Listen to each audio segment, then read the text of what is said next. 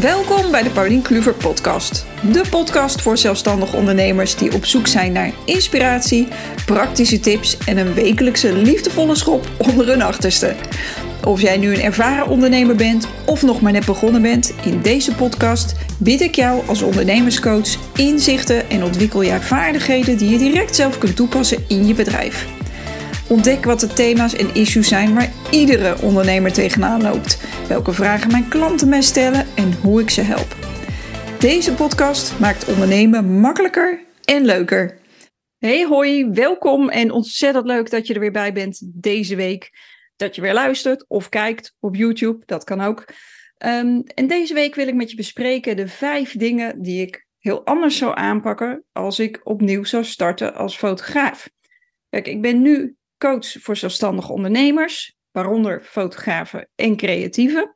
Maar in 2015 ben ik echt gestart als zelfstandig fotograaf. En toen heb ik een aantal dingen niet zo handig aangepakt. En die ga ik met jou bespreken in deze podcast, zodat jij niet diezelfde dingen ook hoeft uh, uh, op, op te fucken, zal ik maar zeggen. Of ja, op te fucken. Het is natuurlijk relatief. Ik kan zeggen, het zijn vijf ontzettend foute dingen. Maar het zijn vooral vijf dingen uh, waarvan ik heel veel geleerd heb en wat ik nu anders zou doen. En de eerste is, ik vond dat ik per se de fotoacademie af moest ronden voordat ik zou starten als zelfstandig fotograaf. En er zijn natuurlijk heel veel voors en tegens van een opleiding doen. Ik, zou, ik kijk daar nu iets anders tegenaan dan destijds toen ik op de fotoacademie zat. Uh, fotoacademie is een opleiding, uh, particulier, um, maar vergelijkbaar aan HBO-niveau. En ik vond het toen ontzettend belangrijk dat ik die opleiding af zou maken, voordat ik zou starten als fotograaf. Waarom? Nou, het heeft natuurlijk heel veel voordelen om wel een fotografieopleiding te doen. Want je leert er um, niet alleen de technische uh, kanten van het fotografievak, uh, maar ook je ontwikkeling als fotograaf en kunstenaar. Kijk, je krijgt allerlei richtingen die je kunt uitproberen. Um, het is een beetje een speeltuin, om te zeggen. Ja, spelenderwijs. Je probeert gewoon allerlei richtingen in de fotografie uit. Zoals, nou, destijds was het bijvoorbeeld modefotografie, productfotografie, uh, documentaire fotografie, portretfotografie. We nog meer met technische camera, van alles en nog wat. Dus het is wel goed voor je ontwikkeling als fotograaf. Uh, maar dat gezegd hebbende, het was voor mij een hele struggle om die vierjarige opleiding af te maken. Volgens mij heb ik er uiteindelijk ook vijf jaar over gedaan. Ik ben er nog een half jaar tussenuit geweest, omdat ik het gewoon niet trok. Dus het is zinvol vooral, als ik terugkijk naar mezelf toen, om te kijken uh, waarom wil ik deze opleiding per se doen. Want er zijn natuurlijk heel veel uh, fotografen autodidact, die beginnen gewoon. Um, er zijn heel veel fotografen die autodidact zijn, die heel succesvol zijn. Er zijn er ook heel veel die het na een paar jaar opgeven en niet zo succes, succesvol zijn. Maar er zijn ook heel veel fotografen die wel een goede fotografieopleiding hebben gedaan, die geen succesvolle ondernemers zijn en die wel succesvolle ondernemers zijn. Dus maakt het Maakt het nou heel veel uit of je zo'n opleiding afrondt? Achteraf gezien denk ik, hmm, had niet per se gehoeven. En uh, wat ik vooral, als ik erop terugkijk, bij mezelf zie, uh, als je een opleiding doet, kan het soms een, voor jezelf een voorwaarde zijn. Nou, eerst die opleiding afronden en dan kan ik aan de slag. En dat heeft eigenlijk te maken met, ik ben niet goed genoeg als ik die opleiding niet heb afgerond. Terwijl als je uh, de opleiding doet vanuit de motivatie, ik wil heel veel leren uh, om me zo goed mogelijk te ontwikkelen als fotograaf, dat is een veel betere motivatie. Maar ik ben, ik ben sta zo in, bij alle ondernemingen eigenlijk, je bent al goed genoeg en ga het maar gewoon doen. Doe die opleiding erbij, maar start alvast als zelfstandig fotograaf. Nou, dat heb ik toen niet gedaan. Um, en ik vind echt uh, dat het een beetje de fotoacademie een excuus was voor mezelf om echt te beginnen aan datgene wat ik eigenlijk niet durfde. En dat was zelfstandig ondernemen als fotograaf. En er zijn natuurlijk een heleboel manieren om te leren. Dus focus je niet alleen maar op die traditionele ehm, opleidingen, maar uh, vind jouw weg daarin. Wat past bij jou? En als ik erop terugkijk, had misschien een andere weg iets beter bij me gepast. Aan de andere kant, ik heb wel in de, op de fotoacademie in de laatste twee jaar verreweg het meest geleerd uh, om mijn eigen stijl te ontwikkelen. Dus ja, het is nooit zeker te zeggen of het anders beter was gegaan. Maar als ik zie hoe ik uh, gestruggeld heb in die opleiding, uh, hoeveel moeite en geld het mij heeft gekost om hem af te maken. Um, ik was misschien gelukkiger geweest als ik gewoon begonnen was. Uh, als, als zelfstandig fotograaf. En niet per se die fotoacademie had afgemaakt. Dus volg erin je eigen pad en voel goed aan wat voor jou werkt. En of de opleiding doen niet per ongeluk misschien stiekem een excuus is om niet die sprong te wagen die je eigenlijk wil wagen. Dan punt 2. Iets wat ik nooit meer zou doen. Wat ik toen wel gedaan heb. Ik durf het bijna niet te vertellen. Maar dat is mijn tarieven verlagen. Serieus. Ik had um, toen ik net begon als fotograaf uh, te weinig opdrachten. En de opdrachten die ik kreeg, ja, die waren gewoon niet zo heel goed betaald. En het waren uh, vaak zeik of zij klanten, ja, eigenlijk wel. Klanten die um, altijd iets erop aan te merken hadden, dat foto's niet waren wat ze verwachten. Um, het waren achteraf gezien natuurlijk klanten die niet zo goed bij mij pasten. En ik wist ook niet goed mijn fotografie te verkopen aan de juiste mensen. Ja, dat had ik toen niet door. Wat ik gedaan heb, ik had uh, op de fotoacademie ooit een docent horen zeggen van nou, 75 euro is wel een goed gangbaar uh, tarief, uurtarief voor fotografen. Dus ik dacht toen ik begon, dat je natte vingerwerk, ik pak gewoon die 75 euro per uur. En kijk wat er aan de opdrachten op, voor, op me afkomt. Nou, dat waren dus niet de meest fantastische leuke opdrachten en vaak gedoe met klanten en opdrachtgevers. Toen ving ik een keer in privékring, volgens mij was het op een verjaardag, een gesprek op uh, tussen twee mensen. En die hadden het over uurtarieven van ZZP'ers, waaronder fotografen. Ik denk dat dit gesprek niet echt voor mijn oren bedoeld was, maar ja, ik heb het toch, ik heb het toch gehoord. En uh, de een zei tegen de ander, want die een was zelfstandig ondernemer in een heel andere branche. En die zei, ja, als mensen dan 75 euro per uur vragen, uh, vind ik dat wel een behoorlijk hoog tarief. Want ja, ik vraag 45 euro per uur. En uh, waarom zou ik voor een fotograaf 75 euro uur per uur gaan betalen? Want wat ik kan is eigenlijk veel meer. En uh, dit was geen fotograaf overigens hoor. Um, maar hij deed iets heel, heel anders, andere richting. Um, ik kan, uh, uh, ik, ik doe het voor 45 euro per uur en uh, daar kan ik gewoon goed mijn brood mee verdienen. 75 euro per uur is gewoon een belachelijk uurtarief. Daar kwam het eigenlijk op neer. En ik ving dat gesprek per ongeluk op. En ik dacht, oh, wacht eens even. Ja, ik krijg terug te horen van mijn klanten dat het allemaal wel erg duur is. Um, Soms zijn mijn opdrachtgevers ook niet heel erg tevreden. Ja, logisch, want ik had de verkeerde klanten, maar dat wist ik toen niet. Um, en ik dacht, ja, misschien is 75 euro ook wel een beetje erg veel per uur. Laat ik mijn tarieven verlagen en dan komen er vast meer opdrachten. Nou, je kan wel raden wat er gebeurde. Het hielp natuurlijk helemaal niks. Tegenovergestelde gebeurde. Ik kreeg nog minder opdrachten en ik kreeg nog meer gezeik en nog vervelendere klanten. Um, dus het heeft me niks gebracht. Maar, en ik, ik wist dat er iets niet helemaal goed zat, maar ik wist niet zo goed waar het hem nou in zat. En het meest belangrijke is natuurlijk, als ik erop terugkijk, um, om je uurtarieven op een andere manier te berekenen, ten eerste. Niet uh, van uh, dat vingerwerk en ik doe maar wat. Maar ook uh, dat het gewoon super belangrijk is om je waarde als fotograaf, als creatief, als maker te kennen en ook over te kunnen brengen. En ook dus om de juiste klanten daarbij te vinden. En die had ik niet. En ik wist niet waar ik ze moest zoeken. Ik wist niet precies welke kant ik nou op wou met mijn fotografie. Dus ik pakte ook een beetje elke opdracht aan ehm, die er was.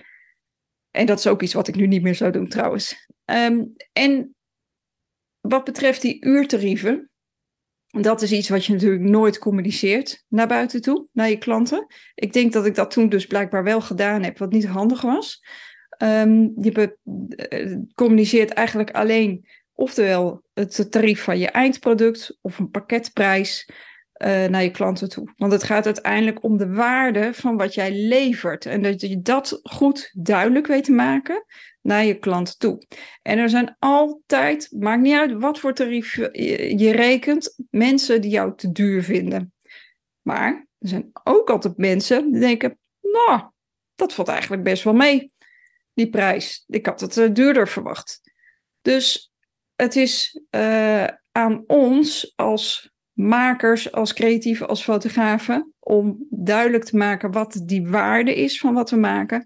En om daar de juiste klanten bij te vinden. Dus hou alsjeblieft wel vast aan, je prijzen. Behalve als je echt helemaal niks uh, verkoopt.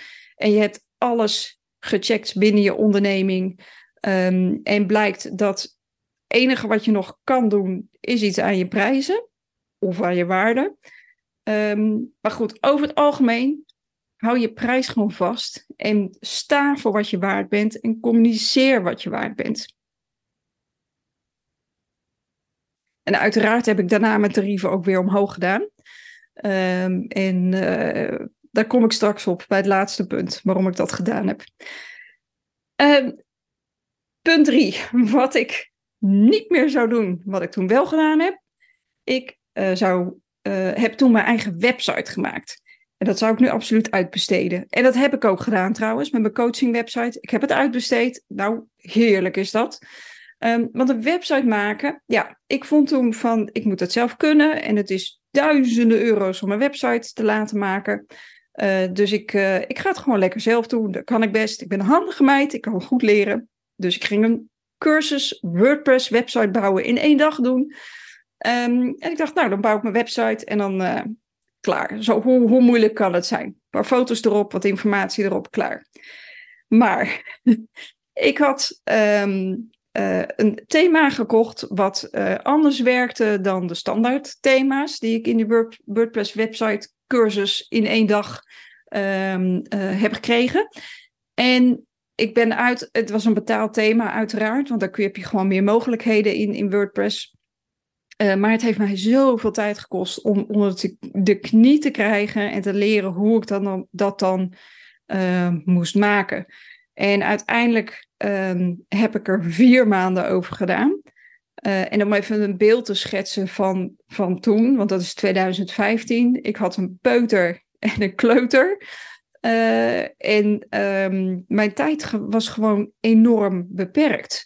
Dus ik heb in de avonduren eigenlijk die website zitten maken en helemaal zitten leren hoe ik dat moest doen. Ja, logisch dat het dan vier maanden duurt.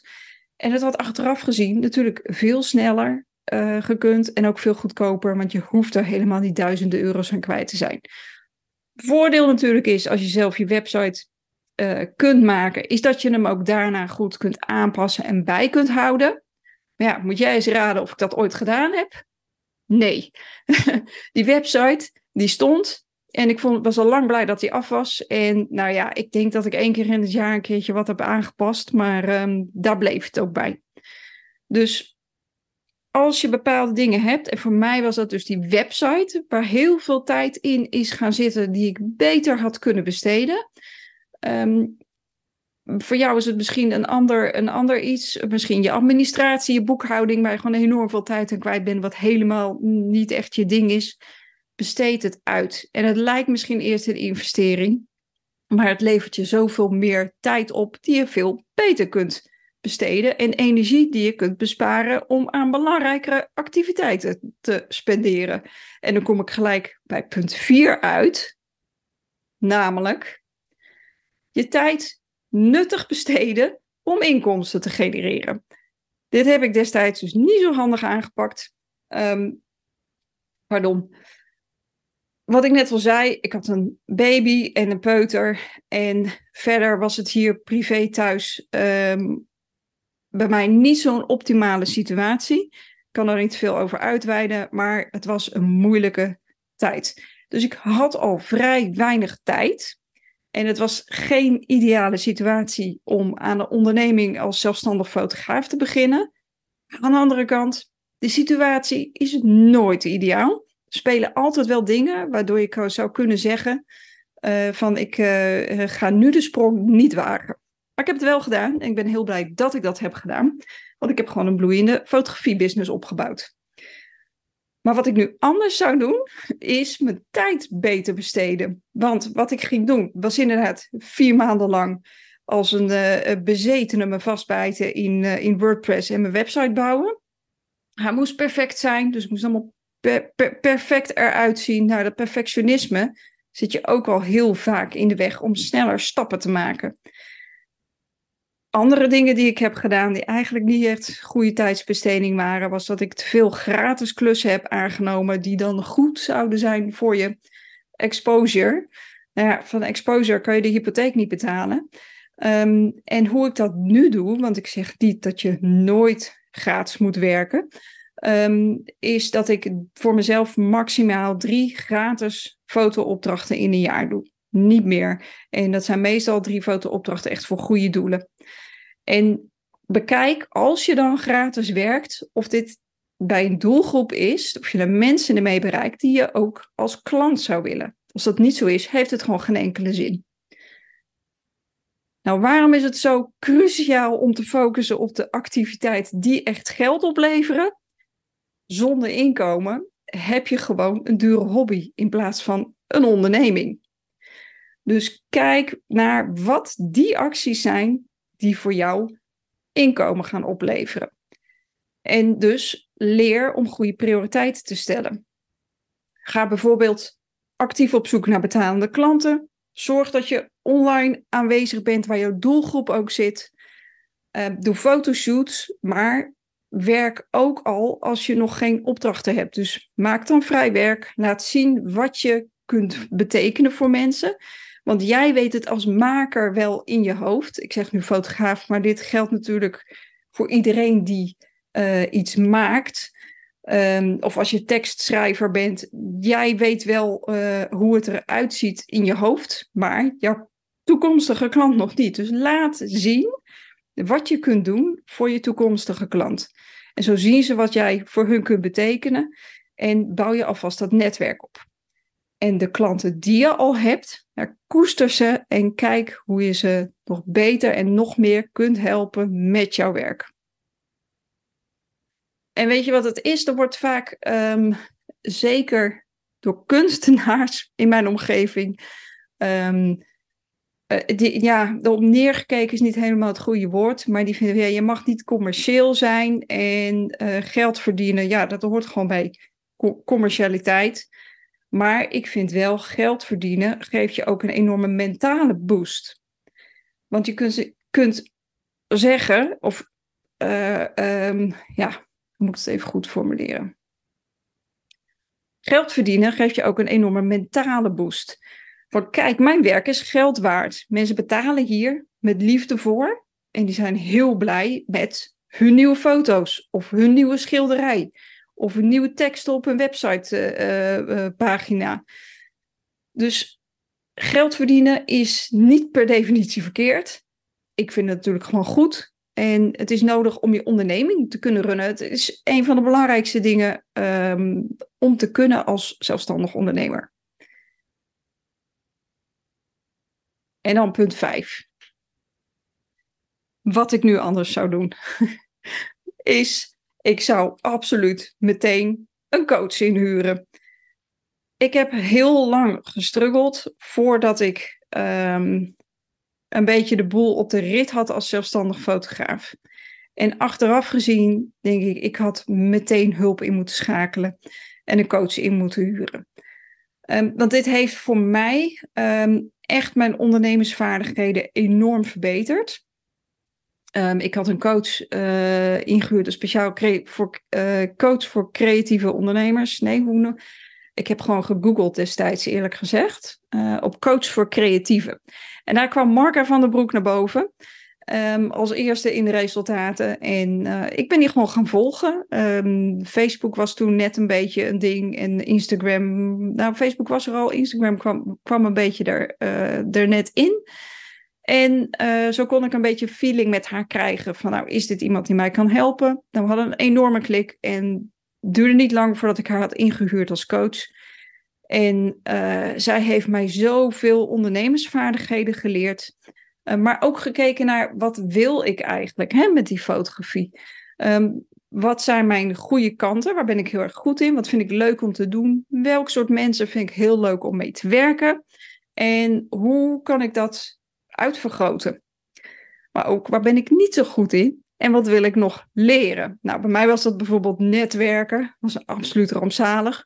Uh, verkopen. Nou, ik dacht echt dat ik daar enorm slecht in was en niks in durfde um, marketing doen op een manier die uh, niet sleazy voelt, maar gewoon bij jou past. Je kan het heel erg naar je eigen, um, hoe zeg je dat, uh, op een authentieke manier invullen. En ik heb daar zoveel meer durf, zelfvertrouwen en skills door gekregen. Um, om een voorbeeld te noemen met dat netwerken. Nou, ik durfde nog niet eens naar een netwerkborrel toe. Um, tot ik, ja, ik, op een gegeven moment heb ik het toch gedaan. Zij zei, Paulien, moet je niet eens naar een netwerkavond toe? Ik, nou, ik vind het helemaal niks, maar vooruit, ik ga het proberen. En ik dacht ook, nou, als het niks is, ik, dan ben ik er vanaf, heb ik, het, heb ik het geprobeerd. Maar eerste avond naar een netwerk gegaan en het was inderdaad helemaal niks. Ik vond me super ongemakkelijk.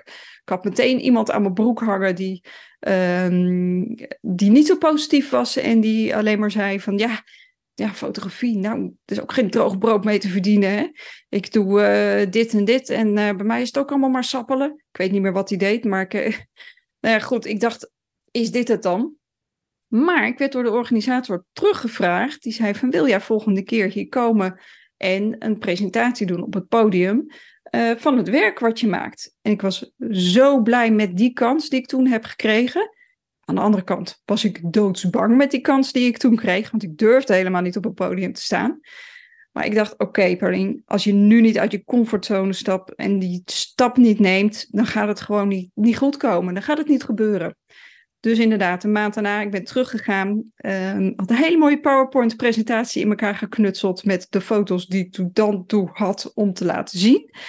En uit die presentatie, die niet helemaal vlekkeloos ging natuurlijk, kwam wel mijn eerste ontzettend leuke, goed betaalde opdracht. En toen dacht ik, oké, zie je, dit werkt dus. Uit je comfortzone stappen loont. Nou, voor mij was dat netwerken, voor jou ligt dat misschien op een ander vlak. Um, maar wat ik nog meer uh, geleerd heb, waar ik niet zo heel goed in was, um, was dat verkopen inderdaad. En ik heb geleerd om verkoopgesprekken te voeren. En eigenlijk is dat gewoon goed klantcontact hebben, levelen met je klanten. En ik bleek dat heel erg leuk te vinden. Dus ik ben eigenlijk helemaal niet zo slecht in verkopen. Het is best wel een goede skill geworden van mijn kant. Um, wat wou ik nog meer vertellen? Ik heb aantekeningen, maar ik lul gewoon een eind weg. Even kijken. Um, nou ja, ik heb in elk geval. Uh, oh ja, opbouwen van sterke klantrelaties uh, geleerd. Super belangrijk, want het netwerk wat ik in de jaren heb opgebouwd sinds 2015, daar pluk ik tot vandaag de dag nog steeds de vruchten van. Dus een netwerk bouwen is echt een belangrijke skill. Um, leren plannen en productiever werken jongens, ik deed maar wat. En de dagen vlogen voorbij. Um, Oké, ik had dan twee kleine kinderen, dus de dagen vliegen dan ook voorbij. Maar de tijd die ik had, was ik niet nuttig aan het besteden. Um, en dat, ik, ik, ik deed maar wat. Het kon allemaal veel handiger en productiever. En het grote voordeel wat ik vond aan het uh, gecoacht worden en waarom ik nu achteraf denk van dit had ik veel eerder moeten doen, is dat je je gesteund voelt en dat je eindelijk dan de stappen zet die je wil zetten naar een goedlopende uh, onderneming. In mijn geval toen een goedlopend fotografiebedrijf. En daarmee ook echt stappen naar een gelukkiger leven.